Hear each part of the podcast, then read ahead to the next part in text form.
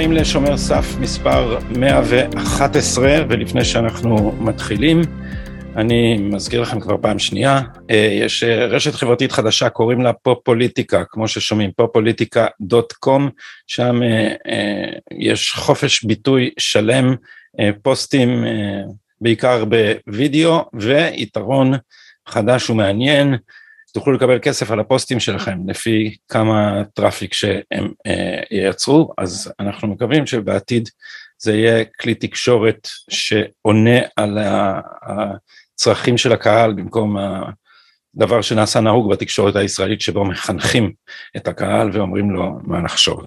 בפרק המיוחד הזה אני שמח לארח את אה, ניצב משנה בדימוס אבי וייס העורך והבעלים של אתר Telecom News ובמובן מסוים, מסוים כולנו היינו בניו כיוון שהוא היה אה, הראשון החלוץ שהחל להראות את ריבוי הפריחות אה, בתיקי האלפים. אבי לכבוד ולעונג שלום לך.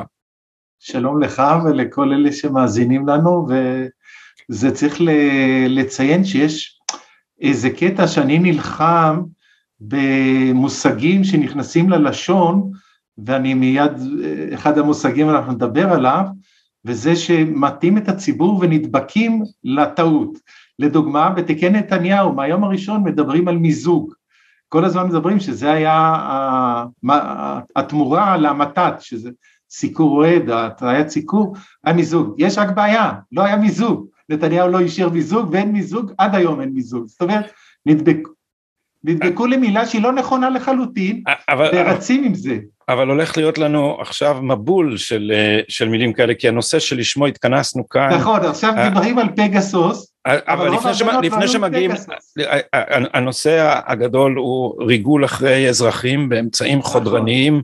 של מודיעין, וכבר כן. אנחנו רואים איך מארגנים לנו את הספין, כבר מדברים על נכון. זה כאילו הבעיה היא שלא היה אישור שופט, כאילו שופט יכול לאשר ריגול, שופט יכול לאשר האזנה, הוא לא יכול לאשר שימוש באמצעי שב"כ על אזרחים ישראלים, כבר uh, מצמצמים את זה למשהו שיעסוק רק במשטרה, uh, כבר uh, מדביקים לזה שמות של חברה, קראו לזה אצל, בכלכליסט, קראו לזה פרשת NSO, כאילו הבעיה זה NSO, ולא, לא. ולא האופן שבו המשטרה וכנראה גם הפרקליטות uh, מתייחסים לזכויותיהם של אזרחי ישראל. אז אני, הסיבה המיידית שפניתי אליך אה, בגינה הייתה הציוץ שלך, שבו אה, תיארת בניין של משטרת ישראל שעובדים בו 500 אנשים בהאזנות, אנחנו שיאני האזנות לאזרחים בקרב הדמוקרטיות, אצלנו זה מאוד בקלות פולשים לפרטיות ולזכויות של אזרחים. אז בואו קודם כל, בואו נתחיל מהבניין הזה, מי זאת היחידה הזאת, מה עושים שם, האם השימוש באמצעי ריגול הוא פשוט דבר ממוסד במשטרת ישראל? כן, כמובן, אבל בלתי חוקי.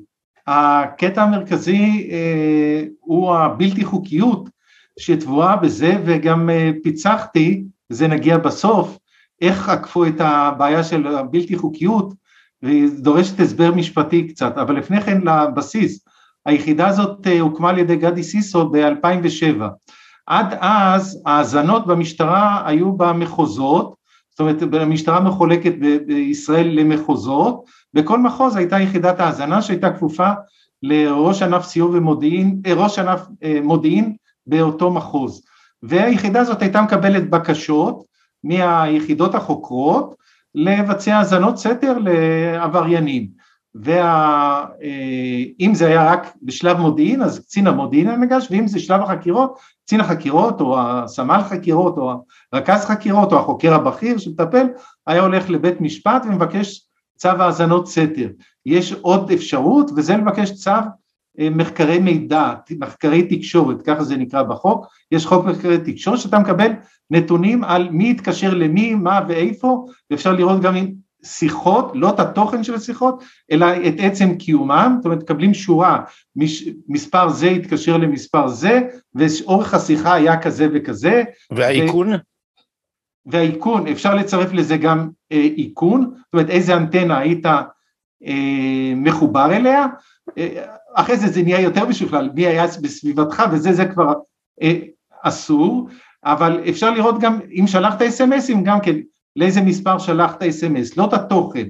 אז היו שני חוקים שהם מאוד אה, ותיקים בנושא הזה והיו מגישים אה, בקשה לשופט ואז היחידה הייתה מאזינה ומביאה את תוצר ההאזנה למבקש, או רכז המודיעין במקרים מסוימים, רוב המקרים זה לחקירות, כי זה שימש לצורכי חקירות.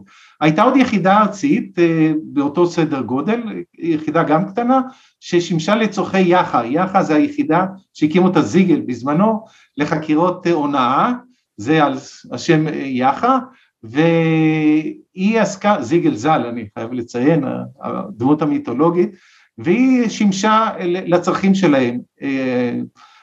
גדי סיסו החליט שצריכים להקים עוד יחידה, שהיא יחידת אה, סיגינט, סיגנט, סיגנט, זה אני כל הזמן מדבר... סיגנל אינטליג'נס, זה כן, מונח צבאי, נכון, אה, אה, ביון אה, אלקטרוני.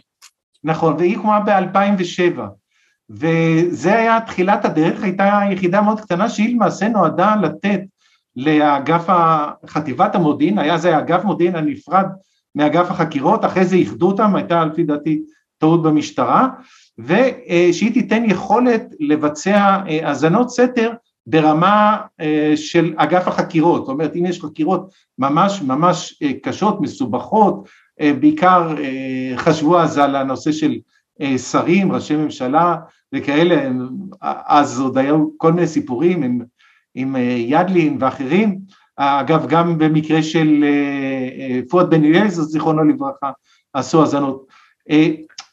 זה היה היחידה שהתחילה את דרכה ככה במטה ארצי, בירושלים קטנה שעסקה בעניין הזה. רגע, ידלין, ידלין זה שנות ה-70. כן, כן. אז, נכון, אז אבל... הבנתי, אבל היחידה שהוקמה ב-2000... לפני כן, אבל כבר אז עסקו בהאזנות, שלא תבין, כן. עסקו בהאזנות הרבה שנים.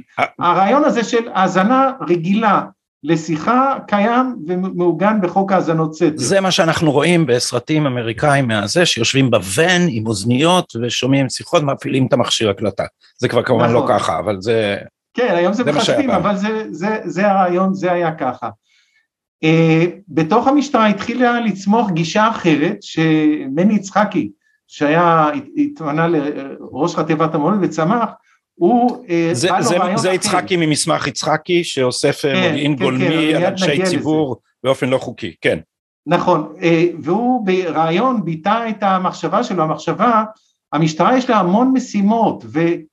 אנחנו לא צריכים לחפש רק את העבריינים שאנחנו רואים אותם, אז צריכים לזהות אותם קודם. זה רעיון, רעיון מדליק.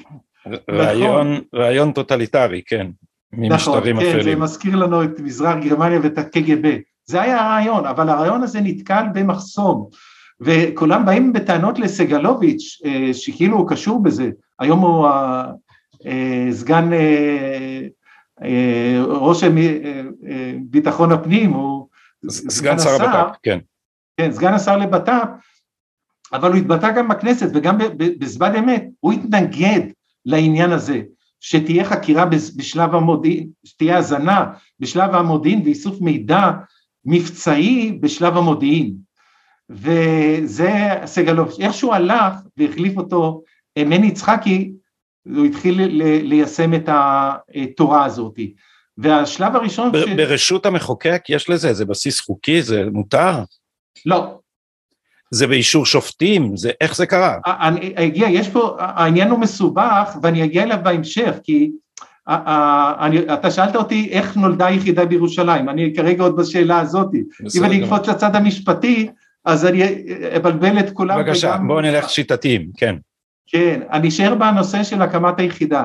ואז אה, גיא ניר היה אה, ראש חטיבת המודיעין, והוא רצה לעשות אה, את המהפך הזה על ידי כך שהוא יוציא את יחידת ה SIGINT סייבר, ככה קראו לה, SIGINT סייבר, יוציא אותה מתוך יחידת המודיעין ויבנה יחידה נפרדת. וגיא ניר התנגד, אמר לו זה בלתי אפשרי במדינה דמוקרטית לעשות כזה דבר, אנחנו לא שב"כ, לא מוסד ועשו, והם נכנסו לטאקל רציני מאוד, אבל הוא לא שאל אותו בסוף והוציא את היחידה והפריד אותה לשתיים. חלק אחד שנקראת יחידת הסייבר, חקירות סייבר, העביר ללהב 433 שזה בלוד. אם אתה מכיר את הבניין או כל מי שעובר יש בניין גדול שכתוב עליו להב 433 בכניסה ללוד הדרומית, אז זה שמה.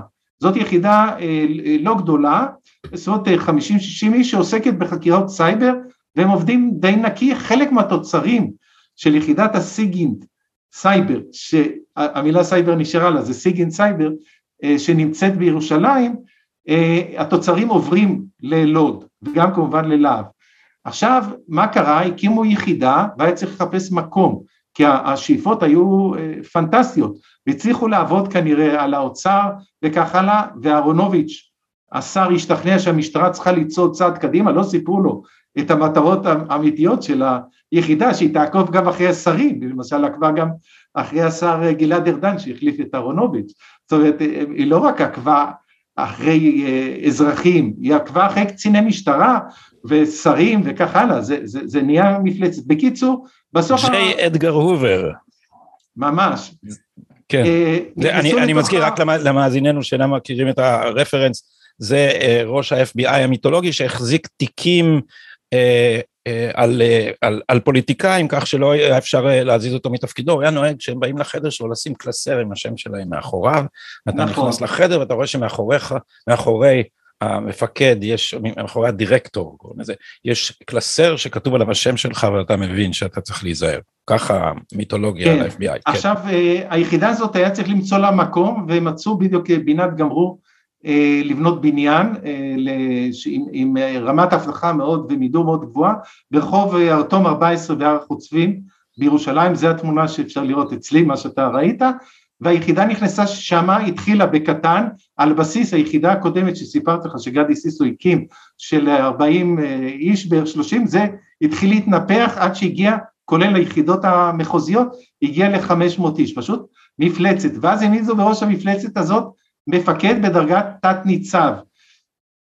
תת ניצב, מאיפה הביאו אותו? הראשון הביא אותו מסגן אה, מפקד של 8200 וזה אה, יואב חסן שמו והוא קיבל את הדרגה שלו בסוף 2013 והחליף אותו אה, תת ניצב דורון יאיר, הוא גם היה מפקד באחד מהיחידות המודיעין, התפקיד האחרון שלו היה מפקד בית הספר למודיעין וסייבר של חיל המודיעין. זאת אומרת המגמה ברורה, מביאים פשוט אנשי מודיעין לעקוב אחרי אזרחי ישראל. עכשיו זה, זה יהיה... זה יהיה... רוב העובדים והבכירים שם שהתמנו כולם היו יוצאי 8200 שב"כ וכדומה, זאת אומרת הם לא למדו יאומן. וחיו במנטליות שלהם כעוקבים אחרי מחבלים, אויבים וכדומה, ועכשיו עשו להם הסבה, אנחנו הפכנו לאויבים. עכשיו, אה, זה המציאות שקרתה, ודורון יאיר הוא אה, מפקד שם אה, מזה כמעט שלוש שנים, והוא נושא באחריות היום, הוא עדיין בתפקיד.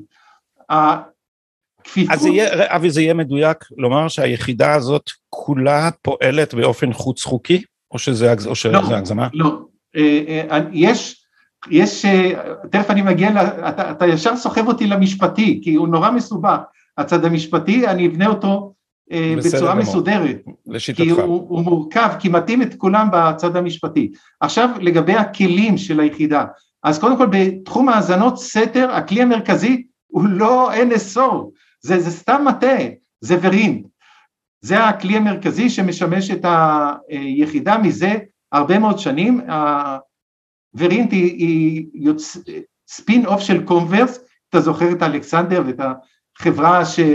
ממש לא, אז בוא תסביר, אז תסביר לנו עכשיו לאט לאט, מה זה ורינט? ורינט היא יחידה טכנולוג... חברה טכנולוגית מאוד מצליחה נסחרת בנסדק וגם בבורסה, והיא אה, חברת ענק, ענק, ממש ענק, אה, נדמה לי שש או שבע אלף איש, שעוסקת אה, בתחום של עיבוד מידע, ומתוך היחידה הזאת עשו ספין אוף של כמה אלפי אנשים ליחידה, זה רק לאחרונה לפני כשנתיים, שנקראת קוגנית. קוגנית היא, היא רק הקטע של האזנות סתר ועיבוד, למה קוגנית חשובה ווירינט חשובה? כי עוד מעט נגיע לממד החמישי, זה נחבר את, ה, את הקצוות, איך זה מתחבר לממד החמישי. אבל, וירינט... אבל אתה אומר האזנה, והאם מדובר גם על שאיבת מידע ולא רק על האזנה? זאת אומרת... גם, גם לווירינט יש את היכולות האלה, אבל באותה תקופה אנחנו מדברים על uh, סוף 2013, המשטרה החליטה שהיא uh, משדרגת את היכולות, הם חשבו שווירינט היא לא מספיק uh, מספקת את הצורך הזה, שהמציאה פנטזיות שסיפרתי לך על מני יצחקי, לדעת על אנשים עוד לפני שמבצעים עבירות, כדי שיהיה לה חומר זה, עליהם זה עוד ממש, לפני שהם מבצעים עבירות. זה ממש, זה ממש סטליניסטי הדברים האלה, פשוט מטורף. כן. תשמע, כולם מופתעים היום, אני עוסק בזה הרבה, פעם ראשונה שאני פרסם, אני התחלתי לעסוק בזה ספציפית ביחידה הזאת, ב-2013, ב-2014 יצאתי מאמר מפורט, כל בעלי התפקידים ביחידה, הכל, יש עליה הכל, אפשר לקרוא, זה אצלי באתר, בחודש אפריל 2014, אה, אנחנו היום ב-2022, בשבילי זה לא חדש, יותר מזה, על האזנות של שלמה פילבר, אני ידעתי בזמן אמת, עוד מעט תשאל למה אני ידעתי, אבל כמובן לא פרסמתי את זה עד שזה לא נהיה אה, אה, גלוי, זאת אומרת החקירה נגמרה ולא היה פחד שאני אשבש חקירה, ואז ציינתי, לא רק שציינתי מה האזינו לו ולכל האנשים סביבו, כולל אלוביץ' וכולי וכולי, כל החבר'ה שנחקרו בתיק בזק, אני ציינתי מה היה התוצרים, ואם אתה רוצה אני יכול לעצור בנקודה הזאת, כי זו הנקודה הכי חשובה, מה היה התוצרים של האזנת הסתר לשלמה פילבר, שאלו אלוביץ',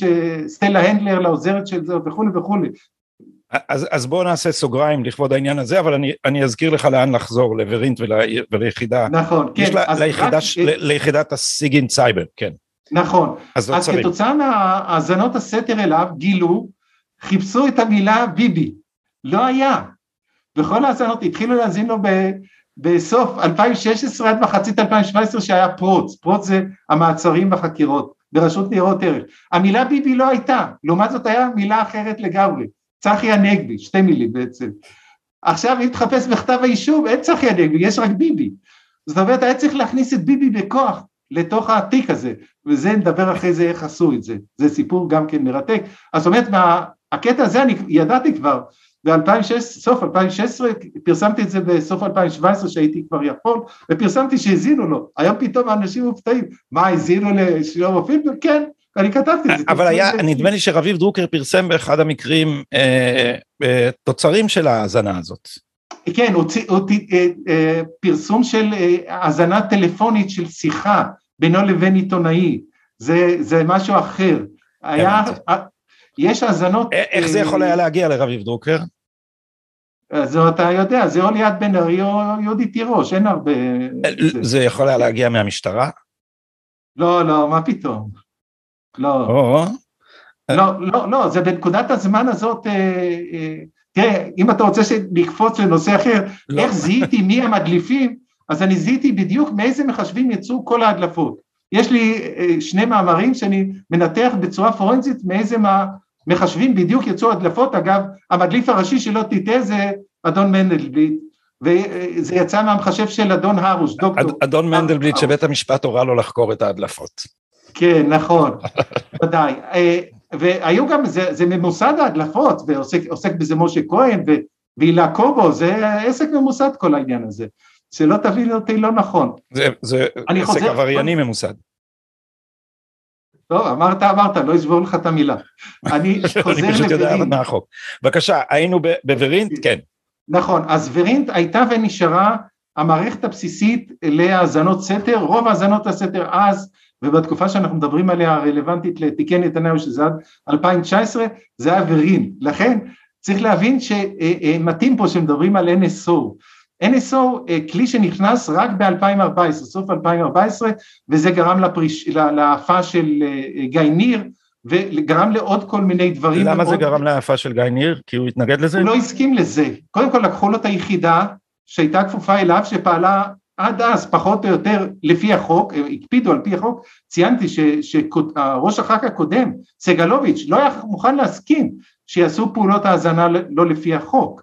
זה, זה, זה א' ב' של מי שעובר קורס שוטרים, צריך להבין שהתנ"צ הזה שהביא אותו מאלוף משנה מחיל המודיעין, הוא לא עבר קורס שוטרים, הוא לא היה שוטר דקה, ב...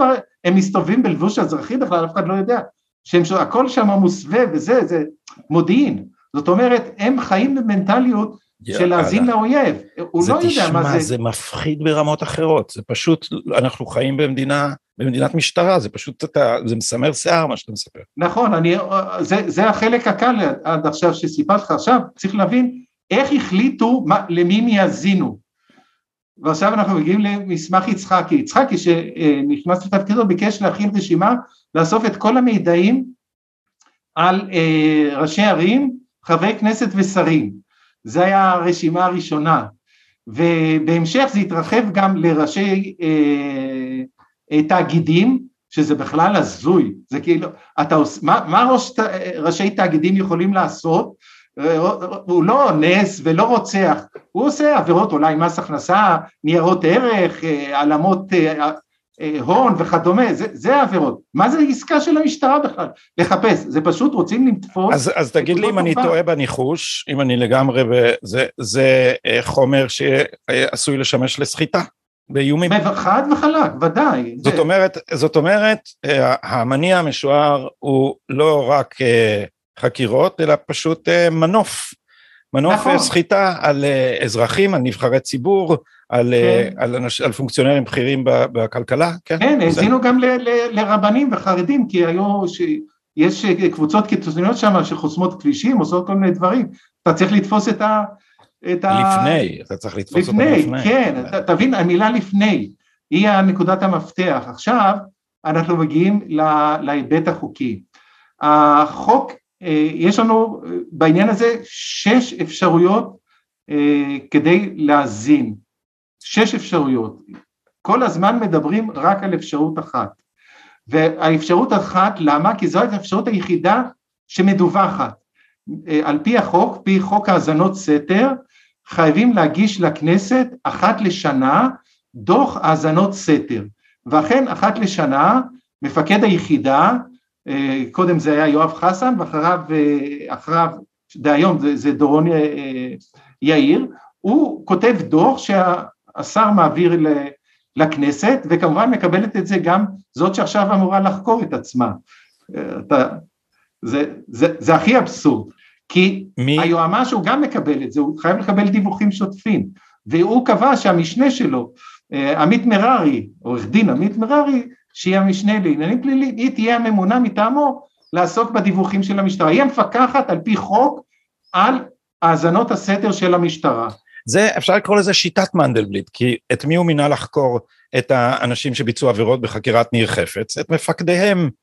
נכון. אז כן, אז, אז השיטה היא כולה, אה, אפשר לקרוא לה שיטת גילוי האריות, השיטה הוא אנחנו רק בתוך המשפחה אה, נכון. חוקרים אחד את השני, ותמיד אנשים שיש להם אינטרס מובהק אה, בחקירה. זה פשוט, אה, מהרגע ששרת המשפטים לשעבר, איילת שקד, אפשרה את ביטול שיניו של גוף הביקורת על הפרקליטות, אנחנו בהידרדרות אה, שי ניצנית, מנדלבליטית, מתמדת לפו, לאנשים שפשוט אוסרים או נלחמים בכל אפשרות להטיל נכון. עליהם מרות או פיקוח, וגם בוא, שיטת ההחזקה בגרון היא נכון. אנחנו יכולים לחבר את, אה, את אה, מסמך יצחקי ואת אה, ההדלפות של מנדלבליט, אני מניח באופן שהוא לא רק אסוציאטיבי, כן. כן, עכשיו צריך להבין, אז ככה נבנה מאגר סודי, בלתי אה, מפוקח. בלתי חוקי. שש, בלתי חוקי כמובן, שנשלט על ידי ראש אגף החקירות. ואז זה היה מני יצחקי, החליף אותו גדי סיסו, אותו גדי סיסו שהזכרתי לך קודם, שהקים את הסיגינט. אז זה הסיפור, והמאגר הזה נכנסו בו ידיעות. עכשיו אני חוזר, יש לנו כאן שני גופים, אגף, חטיבת המודיעין וראש אגף החקירות שעומד מאחריה נמצאים במטה ארצי בירושלים, ויש לנו את יחידת הסיגינט שזה הזרוע הביצועית בהר החוצבים בירושלים, מרחק ערך איזה 20 דקות נסיעה. ושם עכשיו יש 500 איש? שם וביחידות המשנה שלהם, בכל היחידה, כי זו יחידה אחת עם שלוחות. זה היחידה. ולא רק משם, יש יחידת הטכנולוגיה שהיא קשורה לנושא של הממד החמישי, היא עוזרת לנו לפתח כלים הבאים. של, זה יחידת הטכנולוגיה שהיא גם כן קשורה לאגף המודיעין, לחטיבת המודיעין, והיא עוזרת להם לפתח את הכלים הבאים. היא בחרה את ה-NSO, החטיבת המודיעין, שהוטמעה, המערכת הוטמעה אה, בתוך אה, יחידת הסיגים. זה הסיפור. אבל, אבל אמרת, חוזר... יש שישה, אה, ש, ש, שש קטגוריות של, אה, של שימוש חוקי בהאזנות. חוקי או לא חוקי. עכשיו, אה, חלק, חלק חוק... מהשש זה לא חוקי, הבנתי. הרוב זה לא חוקי. שינו את חוק המחשבים, חוק המחשבים קבע שסמארטפון זה גם מחשב, וכתוב בחוק המחשבים שאין כניסה למחשב, בעניין הזה סמארטפון זה מחשב, אלא על פי צו האזנת סתר. דבר מאוד uh, מטמיע, מפני שבצו האזנת סתר כתוב שזה לא כולל כניסה לתוכן. אז איך אתה נכנס למחשב אם אתה לא נכנס לתוכן? יש אי התאמה בין שני החוקים. ותכף נראה איך סוגרים את הפרצות האלה, כי המשטרה בכל זאת עשתה את זה. אז קודם כל יש לנו את הבסיס החוקי, זה חוק המחשבים, מאחוריו כמובן יש אה, כל מיני חוקי הגנת הפרטיות וזה נתעלם כי צפצפו עליהם מזמן, משתמשים בהם רק לצרכים של אה, מה שנקרא מורשת ברק לעליון כדי לתפוס חזקה על, על חוקי הכנסת. אנחנו מדברים כרגע בענייני האזנות. אז בענייני האזנות, אז זה חוק אחד, חוק האזנות... זה הערה מאוד חשובה אבי, אז תרשה לי רגע לשים עליה מרקר צהוב. בבקשה. אה, אה, חוק יסוד כבוד האדם וחירותו שימש אה, רק או כמעט רק או בעיקר כמנוף לביטול ריבונותה של הכנסת בזמן שאותה מערכת דרסה באופן גס ובמידה הולכת וגוברת זכויות אדם בישראל. זאת אומרת המהפכה החוקתית מתרחשת במקביל לרמיסה גוברת של זכויות האדם בישראל. כן. חד וחלק, אתה ביטאת את זה בצורה ממש חדה, זה התהליך, החוק קובע שיש צורך ללכת לנשיא בית המשפט המחוזי או סגנו, זאת אומרת אתה הולך לשופטים שהם בכירים, כי נשיא בית משפט מחוזי או סגנו זה האנשים הכי בכירים ברמה של בתי משפט המחוזיים, בדרך כלל שופטים מאוד uh, מנוסים וותיקים וסומכים שהם יחתמו על צווים רק על מה שהם יודעים, אבל אנחנו יודעים שגם זה הופיע בטלוויזיה, סגן נשיא בית המשפט המחוזי בירושלים כבר פעמיים או שלוש, והוא אמר אני לא יודעת על, על מה אני חותם. אז אנחנו נחזור לעניין, אפשר להוציא צו, ואז בצו הזה אפשר לעשות האזנת סתר. האזנת סתר לפי הגדרת החוק היא תנועה. תנועה, מה זה תנועה? תנועה בין מחשבים, תנועה של שיחה בין מכשירים, תנועה של אס.אם.אס בין מכשירים. לא התוכן, התוכן והעבר שלך שנמצא בסמארטפון שלך ומשם אפשר להגיע לכל כי הסמארטפון שלך מחובר לעננים עם, עם התמונות שלך, עם כל הוואטסאפ שלך ועם כל האפליקציות שאתה משתמש וכדומה, הרי הכלכלי סיפר שמצאו שאחד נשוי אז הוא, הוא, יש לו אפליקציה של היכרויות להומואים אז שזה שימש כלי כך הלאה, אז אסור להיכנס על פי החוק. זאת אומרת שאיתור של האפליקציה הזאת יכול לשמש לסחוט אדם. בוודאי, נכון, בוודאי, וגם ככה ראו של חפץ יש מקורבת, אז זה משמש להרבה דברים אה, אה, הכלי הזה, שאם אתה מוציא את החומר מתוך הסמארטפון, אז זה ברור שזה כלי מאוד חזק להוציא חומר מסע, על פי החוק האזנות סתר זה רק תעבורה, תעבורה שנעה, לא מה שבפנים. וגם לא מה שהיה. וגם לא מה שהיה, ודאי. זה חוק אחד, החוק הזה מחייב פעם בשנה להעביר דיווח לכנסת. כאן אנחנו יודעים את ההיקף, זה בין 3,600-3,800 צווים שהוצאו על ידי נשיאי או סגני נשיאי בתי המשפט המחוזיים בתקופה הרלוונטית לתיקי נתניהו, זו קפיצה די גדולה מסביבות 3,000 ומטה שהיה בשנים קודם, וזה קפץ בשני החקירה וזה ברור שחלק מהם זה היה להלבנת האזנות סתר שנעשו אה, בצורה אחרת, שמיד אני אגיע אליה. זה חוק אחד. חוק שני, שנולד לו קצת אחרי חוק האזנות סתר, זה חוק נתוני תקשורת.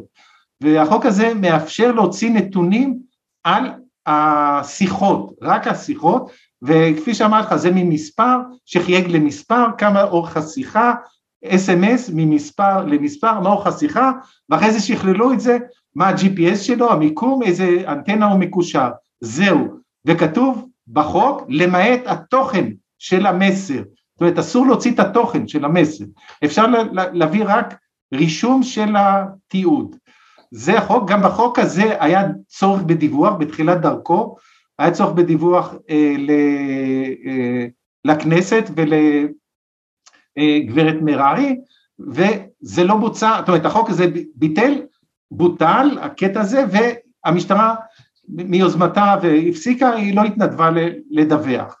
זה אה, חוק שני. מה זאת אומרת לא התנדבה לדווח? היא לא התנדבה לדווח על כמה היא עושה שימוש בזה. נכון. Okay. אוקיי. החוק השלישי הוא חוק הרבה יותר דרקוני, זה חוק מעצרים וחיפושים, הוא מאפשר, אם הבאת בן אדם לחקירה או כעצור או כי הוא מעוכב או בכל דרך הוא הגיע למשטרה ואתה מבקש, תופס לו את הסמארטפון או את המחשב אם הוא בא עם ההרדיס או לפטופ ואתה מבקש ממנו, אה, סליחה, ואתה אה, מציג לו צו והצו הזה יכול להינתן על ידי כל שופט גם, גם הנושא של אה, האזנות לפי אה, חוק נתוני תקשורת כל שופט מוציא, לא רק נשיא. בחוק מעצרים חיפושים כל שופט. אה, שלום יכול להוציא צו חיפוש ותפיסה, ואז נכנסים לתוך המכשיר ומוציאים הכל, אבל בצו כתוב שאסור להוציא חומר פרטי. איך אפשר לסנן? בעיה גדולה מאוד, אי אפשר לסנן וזה, מחתימים אותך על טופס שאתה מסכים שיוציאו ואחרי זה יסננו, למה קודם מוציאים הכל ואחרי זה מסננים, כי יש דברים מוגנים שהשופט לא יכול להוציא אותם, למשל שיחה בינך לבין עורך דין היא חסויה, אין שופט שיכול לבטל את זה, שיחה בין אה, חומר רפואי אי אפשר לבטל את זה, שיחה עם רב אגב, או עם כומר וקאדי, גם כן אפשר, שיחה עם פסיכולוג, אי אפשר ל, ל, ל, להוציא, זאת אומרת יש כאן המון דברים שהם ברמת הפרטיות שאסור לקרוא. אבל הם מוציאים. אבל הם מוציאים ושומרים אצלם ואומרים שהם לא נוגעים. נכון. זאת אומרת אתה עכשיו ככה... תלוי לגמרי בחסדיהם, אין לך לא עורך דין שיכול לבדוק את זה, לא שופט שיכול להתערב, אתה צריך נכון. לסמוך על אה, חניכיו של מני יצחקי שהם יכבדו את פרטיותך, כן? זה נכון, מה עכשיו, עד עכשיו ספרתי שלושה מסלולים, יש עוד שני מסלולים שהם אה, תלויים מפקדי משטרה, בחוק האזנות סתר כתוב שהמפכ"ל יכול להורות על האזנת סתר במקרים דחופים, וכתוב מה זה המקרים דחופים, להצלת חיי אדם וכולי, וזה האזנת סתר למשך 48 אה, שעות. ועכשיו המפכ"ל אמור לדווח אחת לשלושה חודשים לגברת מררי על כל הצווים שהוא הוציא. כמה הוציא? לא יודעים. אין לנו שום דיווח מה הגברת מררי, אם קיבלה בכלל את הדיווח, ניסיתי לקבל נתונים, אין. זה... לפי חוק חופש המידע אי אפשר לקבל את הנתון הזה? תכף אני אגיע מה כן יצלח לפי חוק חופש המידע, זה לא. הסעיף הבא זה בחוק נתוני תקשורת כתוב שקצין משטרה מוסמך, וזה בדרך כלל קצין משטרה ברמת סנ"צ, יכול להוציא צו, היתר זה נקרא, היתר להאזנת סתר לפי אה, חוק נתוני תקשורת למשך 24 שעות. וצריך גם לדווח על זה אחת לשלושה חודשים לגברת מרבי. זה החוק הזה. כמה חמישה מסלולים היו? ספרתי עד עכשיו, נכון? איך? חמישה מסלולים ספרנו עד עכשיו. חמישה כן. מסלולים, כן. האם... הדרגה הולכת ויורדת, בסוף יש גם נכון, לשוטר תנועה. אנחנו יודעים את המספר? לא יודעים. שום, שום, שום ידע. כלום. ממש כלום. עכשיו, מה אנחנו כן יודעים? במסלול של צווי חיפוש ותפיסה של חוק המעצרים נעשה פנייה דרך אה, של, של השומרים, השומרים עשו את זה, לא אני, אה, זה... השומרים אתה... זה ארגון עיתונאי ש... נכון, ש... והם הצליחו לקבל מבתי המשפט את הנתון, הכל היום ממוחשב, קיבלו את הנתון, כמה אתה חושב מספר צווי החיפוש ותפיסה הוצאו בשנה, בשנה, כמה? על ידי סגני ניצב? לא, על ידי שופטים. על ידי שופטים, אז כל אוקיי. שופט שלום יכול להוציא צו חיפוש ותפיסה על מחשב, על סמארטפון ש... שנמצא בידי המשטרה. מה המספר? כמה? 65 אלף. מה? מה? מה שאתה שומע, 65 אלף, אם אתה לא מאמין תיכנס לי באתר למקור, 65 אלף. אין מדינה בעולם עם כמות כזאתי של צווים שעושים מול האזרחים, אין. אנחנו פי מאה, פי מאה ממה שקורה בארצות הברית, פי מאה. ככה רק, רק בידוע, פי מאה. וזה, שת... נקרא, ו, ו, וזה נקרא צווי תפיסה וחיפוש. תפיסה וחיפוש, אוקיי. נכון. אז זה, אז זה מספר שאנחנו יודעים. אמרתי לך שאנחנו יודעים את המספר של חוק האזנות סתר, שזה 300, 600, 3,800, תלוי בשנה, בשנים שאנחנו מדברים של, של חקירות נתניהו, כי זה התנדנד בין השנים, חקירות נתניהו סך הכל זה אה, ארבע שנים. אנחנו חוזרים לאפשרויות, עד עכשיו ספרנו, אתה זוכר, חמש. חמש. יש עוד אפשרות שנולדה מנוהוור, וזה חיפוש בהסכמה. מה זאת אומרת? אסור לחפש בלי צו, אבל עשו איזה פירוש שלא אה, חוקי, שבו אם אתה מגיע למשטרה עם הסמארטפון ושואלים אותך, אתה מסכים שיחפשו אצלך, אז אתה אומר כן, ואז אתה חותם על טופס חיפוש בהסכמה. ואז מחפשים ומוצאים את החומר מתוך הסמארטפון בהסכמתך. והעניין הזה נפסל סופית במה שנקרא הלכת אוריך, לפני שבועיים היה דיון, אוריך זה אחד היועצים של נתניהו, סיפור של שנתיים, והשופטים בעליון, אגב קיבלו, אה, הסנגוריה הציבורית, שזו יחידה במשרד המשפטים, טענה כל השנים שהנוהל שהוציא שי ניצן והמשטרה, ראש אגף החקירות בזמנו יצחקי, זה לא חוקי לעשות חיפוש בהסכמה לסמארטפונים והארד דיסקים של אנשים. הם לא יכולים להסכים שיחפשו אצלם, אין, זה לא חוקי, ואכן העליון קיבל את זה. אז מעכשיו צריכים לבטל את זה ולהפסיק את הנוהג הזה של ה-65 אלף מקרים, איך הם יסתדרו בלי, הצו... בלי זה אנחנו נראה, טוב? זאת אומרת, רגע, זה, יש, זה נוסף ל-65 אלף, יש שישה... כן, כן, נוסף ל-65 אלף בכפייה, אבל כל השאר זה אונס בהסכמה. אונס בהסכמה, נכון? כן. זה המסלול השליפה בלי אה, צו. יש עוד מסלול שליפה בלי צו, זה האקרים. ביחידת המודיעין הפעילה האקרים ונתנה להם את המערכות הסיגינט שהם הפעילו אותם. להלן NSO פגסוס. כן, ורין. זה פגסוס, כן, לפי ההתמחות שלהם, היה אחד שהוא מומחה לפגסוס אז הוא השתמש בפגסוס כי הוא גנב אה, בזמנו אה, database של פגסוס אה, שהוא עבד שם, לא חשוב. פרגון קשורה לזה? חברת פרגון ש... לא, לא, לא, זה אנחנו, אל תקפוץ עכשיו, זה השלכות הממד החמישי, זה okay. אוקיי. ברק וזה סיפור אחר לגמרי, אפשר לצאת לאיבוד מרוב מידע. לא, על זה הקטע... אנחנו נעשה שיחה נוספת, אבי, כי זה, כי זה טוב, חשוב ומעניין. הקטע, יש הוצאת מידע מחוץ לכל נורמה על ידי האקרים, וזה הדבר הכי אה, מוסתר. עכשיו, שלא תחשוב שהיו אנשים במטה ארצי שהסכימו לזה, היה, הייתה, היו אנשים ששילמו בזה, בחייהם, ואני מדבר כרגע על סנת סימה ימין, שהיא עלתה לאחר מותה לנצ"ם, היא התנגדה לכך שהאקרים יעשו, יעסקו בנושא של אה, סיגינט בלי שום פוליגרף ופיקוח משטרתי, כי למעשה הם יכולים להיות uh, סוכנים, סוכני אויב, סוכני פשע, לא יודע, הם, הם ניגשים ועושים את ה... משתמשים בכלים הכי ביונים, הכי כבדים בישראל, נגד אנשים בלי צווים, בלי זה, הכל outsourcing של החוק בכלל, לאנשים פרטיים, yeah, דבר שלא לא יאומן. לא יתואר. ול, כן. אבל לא הבנתי מה אמרת שהיא שילמה, מה זאת אומרת היא שילמה בחייה? היא, היא, היא... כתוצאה מכך לא היו מוכנים לזה, אה, אה, עשו לה שיימינג, זרקו אותה מכל מקום, לא רצו לקדם אותה בדרגה, העליב אותה, היא רצ... הלכה למח"ש עם הדבר הזה התלוננה, ובסופו של דבר אה, התפרצה אצלה מחלה אוטואימונית, והיא נפטרה כתוצאה מכך, ולפני מותה, אלה שהגיעו למיטה שלה שמעו ממנה שהסירוב לבצע בדיקות פוליגרף לא רק להאקרים, גם לאנשים בצמרת המודיעין והחקירות במשטרת ישראל נובע מכך שהם מבצעים פעולות בלתי חוקיות. עכשיו גיא ניר ידע על זה, אה, אה, אה, הוא דיבר על זה, הוא דיבר על זה בצורה מאוד ברורה, גם בכנסת, אם תיכנס לסרטון שהוא מופיע בכנסת, הוא מדבר. הוא לא עסק בזה באופן אישי, אבל הוא נתקל, הוא נתן לה גיבוי, אבל כל השאר לא נתן לה גיבוי, ובסופו של דבר היא התפרצה אצלה מחלה אוטואימונית שהיא, אה, אה, כל המומחים אומרים שזה מתפרץ כתוצאה מלחץ נפשי קשה, והיא נפטרה מהר מאוד, וזה אה, פרשה מאוד מאוד עגומה. כמובן גיא ניר שילם, העיפו אותו. בקריירה שלו, כן. העיפו אותו, ובסופו של דבר הוא יצא לפנסיה באיזה הסדר.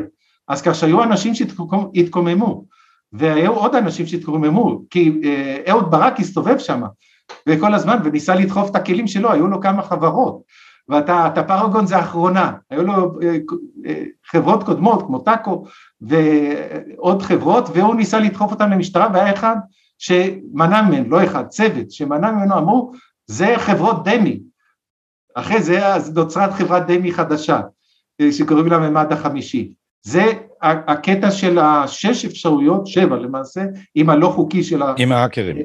עם ההאקרים של צווי האזנת סתר. התוצאה, נוצר כאן מפעל האזנות סתר בהיקף שאנחנו לא יודעים, לא יודעים, אבל היו לזה מטרות. תחשוב כרגע שאת כל המערכת הזאת הענקית של אנשים שעוסקים בזה, נניח היו מפעילים לצרכים לטובת הציבור, נניח יש בעיה בישראל של נשק במגזר הערבי, תן לך, הם היו מאזינים, תוך uh, שנה, מקסימום שנתיים, היו פותרים בעיית הנשק במגזר הערבי, אבל לא, עניין אותם רק להפיל את ביבי. עכשיו צריך להבין איך זה נעשה, העניין הזה. אני חוזר למסמכי יצחקי. מסמכי יצחקי קבעו את העדיפות, על מה צריך להאזין. אני חוזר. ראשי ערים, חברי כנסת, שרים, ראש הממשלה, ראשי תאגידים, רבנים מטרידים, ועוד כל, אה, אחרי זה מפגינים מטרידים, וכך הלאה. בקיצור, כל מי שמטריד את המערכת צריך להאזין לו. עכשיו, איך מאזינים? אבי, אתה מאוד מטריד את המערכת, האזינו לך לפי דעתך? יכולים להאזין, ישמעו את השיחות שלי עם הנכדה שלי, מה יכולים למצוא? כן. ישמעו את השיחות שלך, את השיחה הזאת, זה יהיה חמור מאוד. בסדר גמור, אני לא מפחד מהם, תשמע, אתה לא יודע על ההיסטוריה שלי, אני הייתי בשבי המצרי, מלחמת יום כיפור, אז שואלים אותי תמיד, אתה לא מפחד מה, מהדברים האלה, מה יעשו לך היום, אתה אזרח, אתה לא קצין משטרה בפנסיה, אתה לא מוגן, אז אמרתי, אם לא פחדתי במצרים, בטח אני לא אפחד מהם, זו התשובה. כן, אני חוזר למפלצת הזאת, המפלצת הזאת שנוצרה בירושלים פעלה באופן חוקי, וכדי לקבל החלטות להאזין היה צריך מידע, המידע הזה הוא במאגר מידע שמשום מה נקרא מסמכי יצחקי, אבל זה מאגר מידע, זה, זה לא רק מסמך אה, מודפס, אמנם היה שני עותקים, עותק אחד אגב נעלם, שני עותקים של הרשימה, מה יש על כל אחד מחברי הכנסת, שרים וכולי, אמר לך אה, מה יש עליהם, אז אה, המידע הגיע מכמה מקורות, מקור אחד זה מקורות מודיעין רגילים שרכזי המודיעין בשטח אוספים מידע ויש תמיד כאלה שמוסרים מידע, מקור שני זה עיתונאים, לא מעט עיתונאים עסקו בהעברת מידע למשטרה, אחד מהם אפילו הודה בזה, זה בן כספי. אז זה המקור מידע שהיום ממציאים סיפורים והם מוכרים אותם למשטרה, וזה נכנס למאגר הזה. וברור לך נגד מי בן כספית מסר מידע, כן. לא, לא יכול לא. להיות, בטח לא נגד בני גנץ. נכון, מקור שלישי זה מכתבים אנונימיים, זה הכלי הכי חזק במאגר מידע, זה, למה? תחשוב כרגע, מישהו רץ לראש עיר, מיד כל המתחרים שלו אומרים, הוא קשור לקבלן הזה, הוא קשור לזה, הוא קשור לזה, מיד מלכלכים אחד על השני בבחירות. אותו דבר בפריימריז נניח, או במירוץ לכנסת, כל הזמן מלכלכים. אז יש אז, המון... אז אנשים שמלכלכים יש להם מוטיבציה לשלוח uh, מכתבים אנונימיים כדי נכון. לקדם את האינטרסים שלהם, ובזה הם מספקים תחמושת לארסנל הסחטנות הפוטנציאלית שאפשר להפעיל נגדם. נכון, ועכשיו אנחנו מגיעים לשיא השיאים. זה מכתבים אנונימיים שהקצינים שם שולחים לעצמם. זאת אומרת, הם מפבריקים את המידע. זה כמעט, זה, זה לא כמעט מצחיק. קומדיה, לא, זה לא מצחיק, אתה צודק, אבל זה... זה ממש לא זה... מצחיק.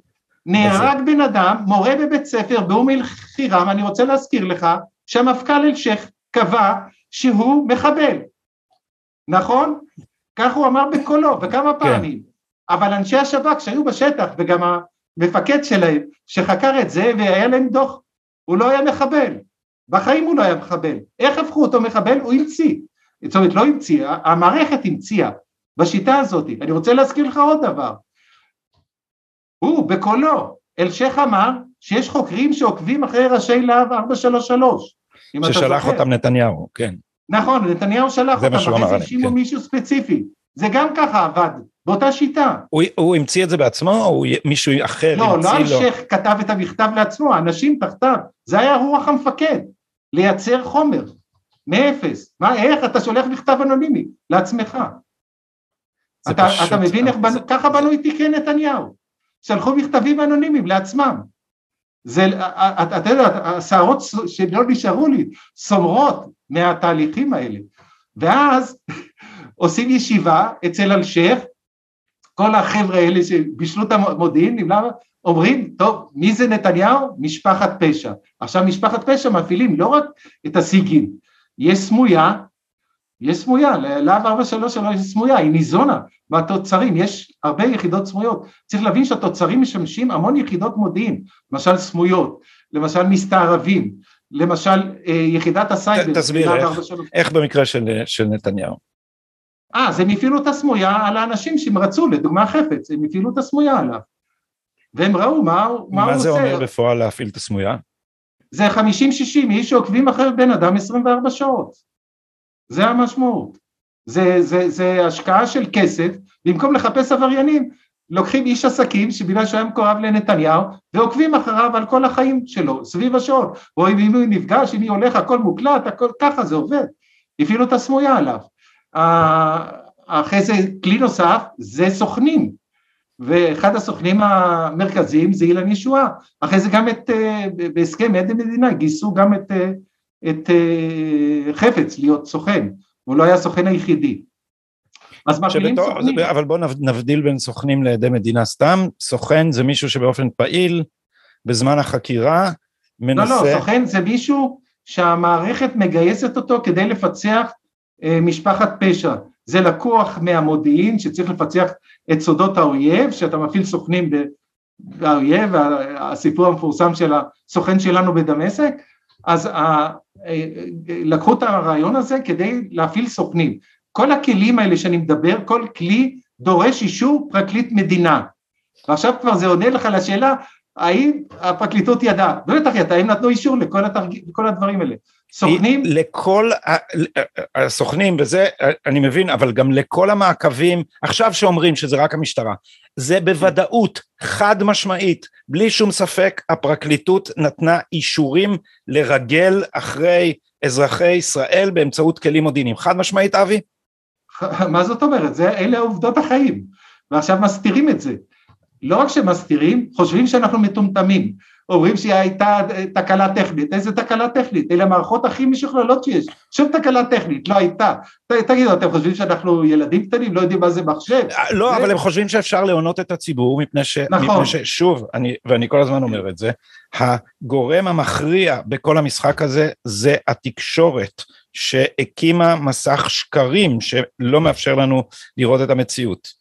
אז נכון. זה, זה עוד אחד מה, מהמקרים הבולטים. נכון, שלי. עכשיו עוד לא גמרתי בכלי המודיעין. כלי מודיעין נוסף, קוראים לו מדובבים ומדובבות. אגב, היו שתי מדובבות, פעם ראשונה, פעם ראשונה, בתולדות משטרת ישראל, בתחום הצווארון הלבן, שהפעילו שתי מדובבות על שתי נשים נורמטיביות. אה, איריס אלוביץ', אשתו של שאול, ועל סטלה הנדלר, מנכ"לית בזק. אלה שתי נשים שלא היה להם שום עבירה בחיים, אפילו לא יודע אם דוח חניה פעם. היה להם, והפעילו עליהם מדובבות. זה כלי מאוד מאוד יקר שדורש אישור של אה, פרקליט המדינה, אה, סליחה, פרקליט המחוז, פרקליטת המחוז, אה, ליאת בן ארי כמובן. אבל, אבל אבי, אני רוצה, אנחנו נקיים כן. עוד שיחה על תיקי נתניהו, אני רוצה להישאר בענייני מודיעין בשיחתנו הזאת, ו, ולשאול אותך, מה קורה עם הטיית הציבור עכשיו? מה, מה אנחנו שומעים בתקשורת ואתה תיארת לנו עכשיו מה האמת שמאחורי העניין הזה. כן, איך, אני חייב מנסים... לסיים עוד, עוד לסגור את המעגל על מימד החמישי. כן. המפכ"ל אלשיך, מרוב שהתנפח לו המוטיבציה, יחד עם האחרים... וחוש ל... ריח הכוסברה המפורסם. נכון, כן, ל- ל- לרדוף את uh, נתניהו ושותפיו, החליט שצריך, זה נקרא פרויקט Fusion Center, זה כרגע אני חושף את זה בפניך פעם ראשונה, זה השם הקוד של התוכנית, ומה התוכנית הזאת אומרת? ניקח את התוצרים של האזנות הסתר, נצרף לזה תוצרים של מאגרי מידע שיש למשטרה בלי סוף, החל ממאגר טביעות אצבע, מאגר רכב, מאגר רישיונות רכב, מאגר רישיונות נשק, מעבר, מעברי גבול, אתה יודע שהכל נרשם, אה, מרשם האוכלוסין וכולי וכולי, מאגרי מידע מפלצתיים, מפלצתיים, ונאגר את זה ביחד, ואז לא מספיק שיש מידע מהתוצר של האזנות הסתר, נעשיר את זה במידע מסביב, ואז יהיה לנו מידע מעובד מזוקק על הבן אדם, שנוכל לקבור אותו חי, עוד לפני שהוא יודע שהוא נקבר. זו הייתה התוכנית, ואז פנו, ובמקום לעשות מכרז, עשו פטור ממכרז לחברת הממד החמישי. חברת הממד החמישי היא שותפה של NSO, שלא תבין לא נכון, הם היו צריכים להתמזג אחרי ההצלחה שהם יקטפו חמישים מיליון שקל במשטרה. בינתיים הצליחו חמישה מיליון, למה? כי זה התמוטט, כי המשקיע הראשי שלהם התברר שהוא מרוסיה והאמריקאים שם מצאו עם כל מיני סיפורים, עם טראמפ ועם הרוסים מרגלים כן, לו. כן, שהוא אה, נמצא ברשימת ה... אה, אני לא יודע אם המבוקשים, אבל האסורי נכון, כניסה של, כן. ה, של, של ארצות הברית. זהו, אה, אז... אז, אז רגע, אז חברת, החמישי... חברת המימד החמישי הייתה אמורה לקחת על עצמה את תוכנית Fusion Center, את הביצוע של תוכנית Fusion Center? כן, לבנות אותה. היא החלק המרכזי, הכלי המרכזי לבניית Fusion Center, כאשר בשלב הפיילוט לא יעלה על הדעת מה שקרה, אבל זה מה שקרה, נתנו להם להתחבר ל database המשטרתי, ישירות, בלי שהם עברו שום סיווג ביטחוני, ולכן לא יודעים לאן המידע הזה הלך, לא יודעים, המידע הזה הלך. הם התחברו למאגר המידע המשטרתי, ואנחנו לא יודעים מה קרה למידע הזה. ועכשיו נתנו את זה עוד לרשות התחרות לחקור כדי לטשטש את הציבור, כאילו חוקרים את זה. זה צריך להבין איזה סירחון היה כאן. השתתפו בממד החמישי שני מפכ"לים, סגן ראש המוסד וגנץ, עמד בראש, ועוד כל מיני אה, כאלה חשובים. זה פשוט היה דבר מדהים, מדהים, שהוא המשך ישיר ל-NSO. זה פשוט ספין אוף של סיפור NSO, זה ה... ועכשיו מנסים להגיד לנו אה, צייצני הפרקליטות, כל מיני גליקמנים, שנעשתה עבירה חמורה על ידי אנשים במשטרה וצריך לחקור את זה. זה מנסים כאילו עכשיו, עכשיו, עכשיו מנסים להגיד לנו יש איזה, יש איזה חוקר שסרח. מה פתאום, זה, זה עבדה בזה כל היחידה, מלמעלה למעלה, כולם היו מעורבים, יתרה מזו. החומר הזה הוגש לאנשים טרם החקירה, ואתמול, שלשום, אה, זה היה המסמך שהוציאו הפרקליטים של נתניהו לבית המשפט, שבו הם נתנו האזנה, מה, מה דיברו ביניהם שני חוקרים, אגב חוקר וחוקרת מרשות ניירות ערך לפני החקירה של פילבר, שמדברים ש, שהפעילו על לא הכלי האזנה, ש... נכון. למה זה דלף? מי הדליף את זה ולמה זה דלף? מה האינטרס? מה קורה פה? קודם כל, האזנות הסדר, הסתר דלפו לא עכשיו. כלכליסט הוציא את זה עכשיו, אבל זה התחיל מהסיפורים של גיא ניר. גיא ניר פיזר את החומרים האלה כבר לפני אה, ארבע שנים התחיל. הוא הלך למח"ש, הלך למבקר המדינה, הלך לנציב, הוא הלך לכנסת, בכנסת עצמה הוא שם, הנה, אה, האזנות סתר לא חוקיות, הנה כאן, זרק להם ערימת מסמכים והשאיר את זה שם על השולחן. כל אחד היה לקח, יכול לקחת את זה, זאת אומרת, הסודות האלה התחילו לצאת כבר אז החוצה. עכשיו זה נועד לשרת כנראה, אני לא יודע, את, אה, אה, שהתחילו הדיונים על הסדר טיעון לנתניהו והשאירו את מוזס בצד, אז כנראה זה אז החליטו לשחרר את זה. אבל הקטע של אה, אבל, אבל אם זה מגיע ידוע. דרך, דרך, אם זה מגיע דרך, זה, זה קודם כל הפרסום היה בניוז 1 עם יואב יצחק, אבל נכון. אם אביעד גליקמן אומר שהוא מפרסם משהו, אז אנחנו מניחים שזה דבר שנמסר לא, לו. תראה, אחרי, ש, אחרי שזה נמסר... אנחנו מניחים שהוא עובד בשירות מישהו, נכון? אז נכון, למה האינטרס... נכון, המטרה היא לטשטש כמובן. הם רוצים לטשטש את העובדה שהפרקליטות לא רק הייתה, תבין, בחקירה של הסיפור הספציפי הזה שנמסר לבית המשפט, של אה, אה, ידידנו עד המדינה שלמה פילבר, בחקירה הזאתי בפברואר 2018, היה ליד זה חדר בקרה, חדר, אגב, הם מדברים ביניהם, הם אומרים כבר יש שם שבעה איש בחדר הבקרה, אחרי זה יתמלא. מי היה שם? היו שם כולם, מי המפכ"ל וכולם, אפילו אולי שי ניצן, לא יודע, אבל ליד בן ארי בטוח, וכמובן יהודית תירוש ליוותה את זה יום יום, כל יום הייתה בישיבות, הציגו לה את הדוחות המודיעין מול העיניים, מה היא לא ראתה את הדוחות האלה, היא עיוורת? מה זה הסיפורים האלה? אין דבר כזה.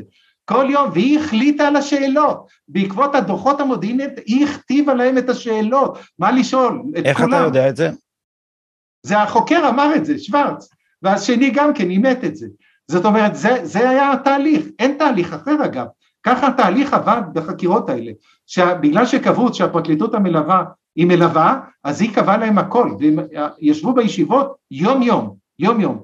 היא אה, אה, יהודית תירוש יחד עם אמיר טבנקין, הסגן שלה, כל ישיבה, כל ערב, כל יום, היו שם, ראו את הדוחות, החליטו מה השאלות יחד עם הראשים של להב 433, וזה מה שהחוקרים קיבלו לחקור. ככה זה עבד.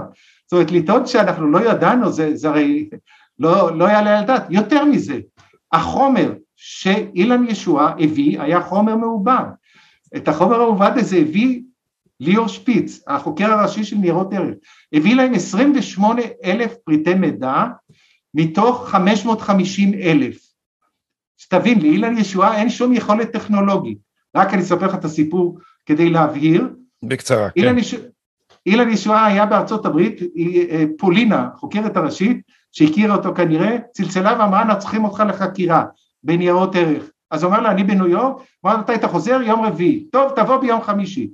הוא נחת בישראל ביום חמישי בבוקר, סוף דצמבר 2017, אה, אה, מתייצב שעה תשע במשרדי רשות ניירות ערך, יושבים ממנו פונינה ו, ושפיץ, הוא מתחיל, שואלים אותו, תגיד לי, איך היחסים שהיו לך עם אלוביץ'? אומר, למה אתם שואלים הרבה שאלות? יש לי בסמארטפון שלקחת לי בכניסה, יש לי קבצים להעביר אליכם בוואטסאפ, יש שם את הכל. אז הכניסו לו את הסמארטפון לתוך החדר חקירות והעביר להם בוואטסאפ את המסמכים, ארוזים, ארוזים, אתה יודע שוואטסאפ מוגבל בכמות הדאטה שאפשר להעביר, זה היה ארוז ומוכן, ארוז ומוכן קיבלו את זה אליהם, בסיום היום הם בכל זאת רצו לשמור על החוק, הביאו לו צו תפיסה וחיפוש, שהזכרתי לך את החוק, ואמרו לו הנה צו תפיסה וחיפוש על הסמארטפון שלך שנלבין את החומר שנתת לנו. הוא אומר חבר'ה יש לי שישה סמארטפונים ועוד ארט דיסק מלא חומר. אז אמרו איפה זה אני אביא לכם ביום ראשון. אמרו בסדר, גמרו את החקרה ביום חמישי, יום שישי התקשרו להזכיר לו אל תשכח יום ראשון, יום ראשון הביא, ויום ראשון הביא את כל השאר, את כל ה-550 אלף פריטי מידע. אבל לצורך החקירה בלהב 433 נגד נתניהו השתמשו רק ב-28 אלף.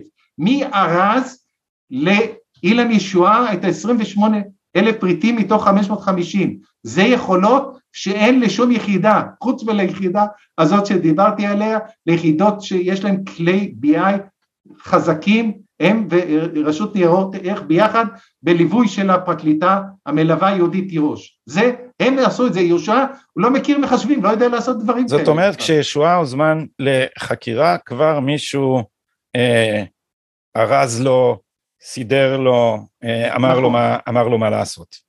נכון, אני מציע שאתה תנסה, אם יש לך 250 אלף מיילים ב-26 אלף מגירות, ויש לך עוד iMessage שזה באייפון, ויש לך וואטסאפ, יש לך אס.אם.אסים, יש לך הקלטות של שיחות, יש לך מזכרים. עכשיו תנסה לי את כל זה ל- לרכז ולארוז את זה ולהכניס את זה לקובץ מוכן לשליחה בוואטסאפ. תגיד לי מתי שתגמור. אני יכול להגיד לך, כמומחה מחשבים צריך אם זה עבודה רגילה במחשב רגיל, לא מחשבים מתקדמים כאלה כמו שיש להם, מחשב רגיל מינימום 30 איש חודשיים עבודה, אבל הוא נחת ביום רביעי, יום חמישי זה היה מוכן, זאת אומרת מישהו הכין לו את זה, מי הכין לו? הם, המשטרה תפרה את התיק הזה מאלף, היא ארזה את החומר נגד נתניהו, לכן הרי כל הזמן שואלים למה הם לא בדקו בחקירה מה קורה באתר, שאלו את, ה, את שוורץ, למה לא בדקת מה קורה באתר? אז הוא אומר, קיבלתי את זה, זה מורשת אבות, ככה הוא אמר. מה זאת מורשת אבות? כבר בדקו את זה לפניי, אני לא צריך לבדוק. ולכן הוא לא בדק ש, שזה לא נכון, החומר הזה, זה סתם חנטריש, פרויקט 315 שראיינת אותם, הראו שזה חנטריש, גם אני כתבתי בזמן אמת, זה חנטריש, זה הכל פארסה. לא בדקו, כי הם, הם בעצמם בישלו את החומר, הם ייצרו את התיק הזה, מאפס, הכל בנוי על, על השיטה הזאת, סיפרתי לך על משלוח אה, אה, אה, מכתבים אנונימיים לעצמך כדי לייצר מידע, ככה זה עבד. זה, זה, זה, זה לא נתפס הדבר הזה. זה ממש אה, לא נתפס. אבי, לסיום, אה, אני רוצה לנסות עליך את תיאוריית הקונספירציה ששמעתי והעברתי ל, ל, אה, לטוויטר, נשמע לי מופרך וכתבתי שזה כנראה מופרך, אבל, אבל לך תדע עכשיו. כי התיאוריה ששמעתי אותה מעורך דין, שמעתי, תשמע, אתם בכלל לא מבינים מה הם עושים. מה שהם עושים זה, הם רוצים לפוצץ את כל העסק הזה לפני העדות של פילבר, כדי לפסול את העדות של פילבר, כדי שלא יהיה להם אה, פילבר בבית המשפט. אז לפני שאתה מגיב על זה, למה מפחדים מפילבר כל כך? מה, יש לפילבר משהו שאנחנו לא יודעים עדיין לא, שהם מבוהלים ממנו? אני אמרתי כבר בזמן אפס, ואני כתבתי, המאמר הראשון שלי, שדיברו על כך שהוא יהיה עד מדינה, כתבתי, שלמה פילבר, עד מדינה הצחקתם אותי, הוא לא היה עד מדינה בשום שלב. והוא גם אמר את זה והוא גם מצייץ את זה, זה הכל שטויות. הוא לא עד מדינה בכלל. זה אה, הכל... אז מפחדים מעדותו או לא מפחדים? לא, אבל למה שיפחדו מעדותו? הם לא מפחדים מכלום. המצב הנוכחי כיום, הם מאמינים שהם מוגנים, הם לא מפחדים מכלום. ממה הם כן מפחדים? שיגלו ששיקרו לבית המשפט. ומה הם שיקרו לבית המשפט? שהסתירו את האזנות הסתר. והם הסתירו את זה תחת צווי חיסיון, ולא רק צווי חיסיון, חלק גם אין צווי חיסיון, פשוט העלימו אותם, מזה הם מפחדים, ועכשיו אה, בעניין הזה... אבל זה כבר קרה במשפט אה, רמון, נכון? כבר היה נכון, סיפור כזה, שהסתירו נכון, את האזנות הסתר מבית המשפט, ולא קרה להם כלום, כי הם מעל החוק. נכון, בדיוק, אז לכן התשובה היא, הם לא מפחדים. מי שחושב שהם מפחדים הוא פשוט לא מכיר אותם. תשמע, אני עומד מולם יום יום, יום יום הם גורסים לי תלונות וגורסים לי, אני תמיד עובד עם מסמכים, אני את הסיפור של אילן ישועה והיותו סוכן, הגשתי שש תלונות לרשות ניירות ערך עם טון המסמכים וארבע לאיסמן, הפרקליט, כאילו על, על זה, על מנדלבליט כבר אי אפשר היה לסמוך. איפה, מה הם עשו? הכל גורסים, לא עונים לי וזהו, חושבים שזה, כאילו זה, לא עונים לי, זה יורד בכביסה. מה פתאום?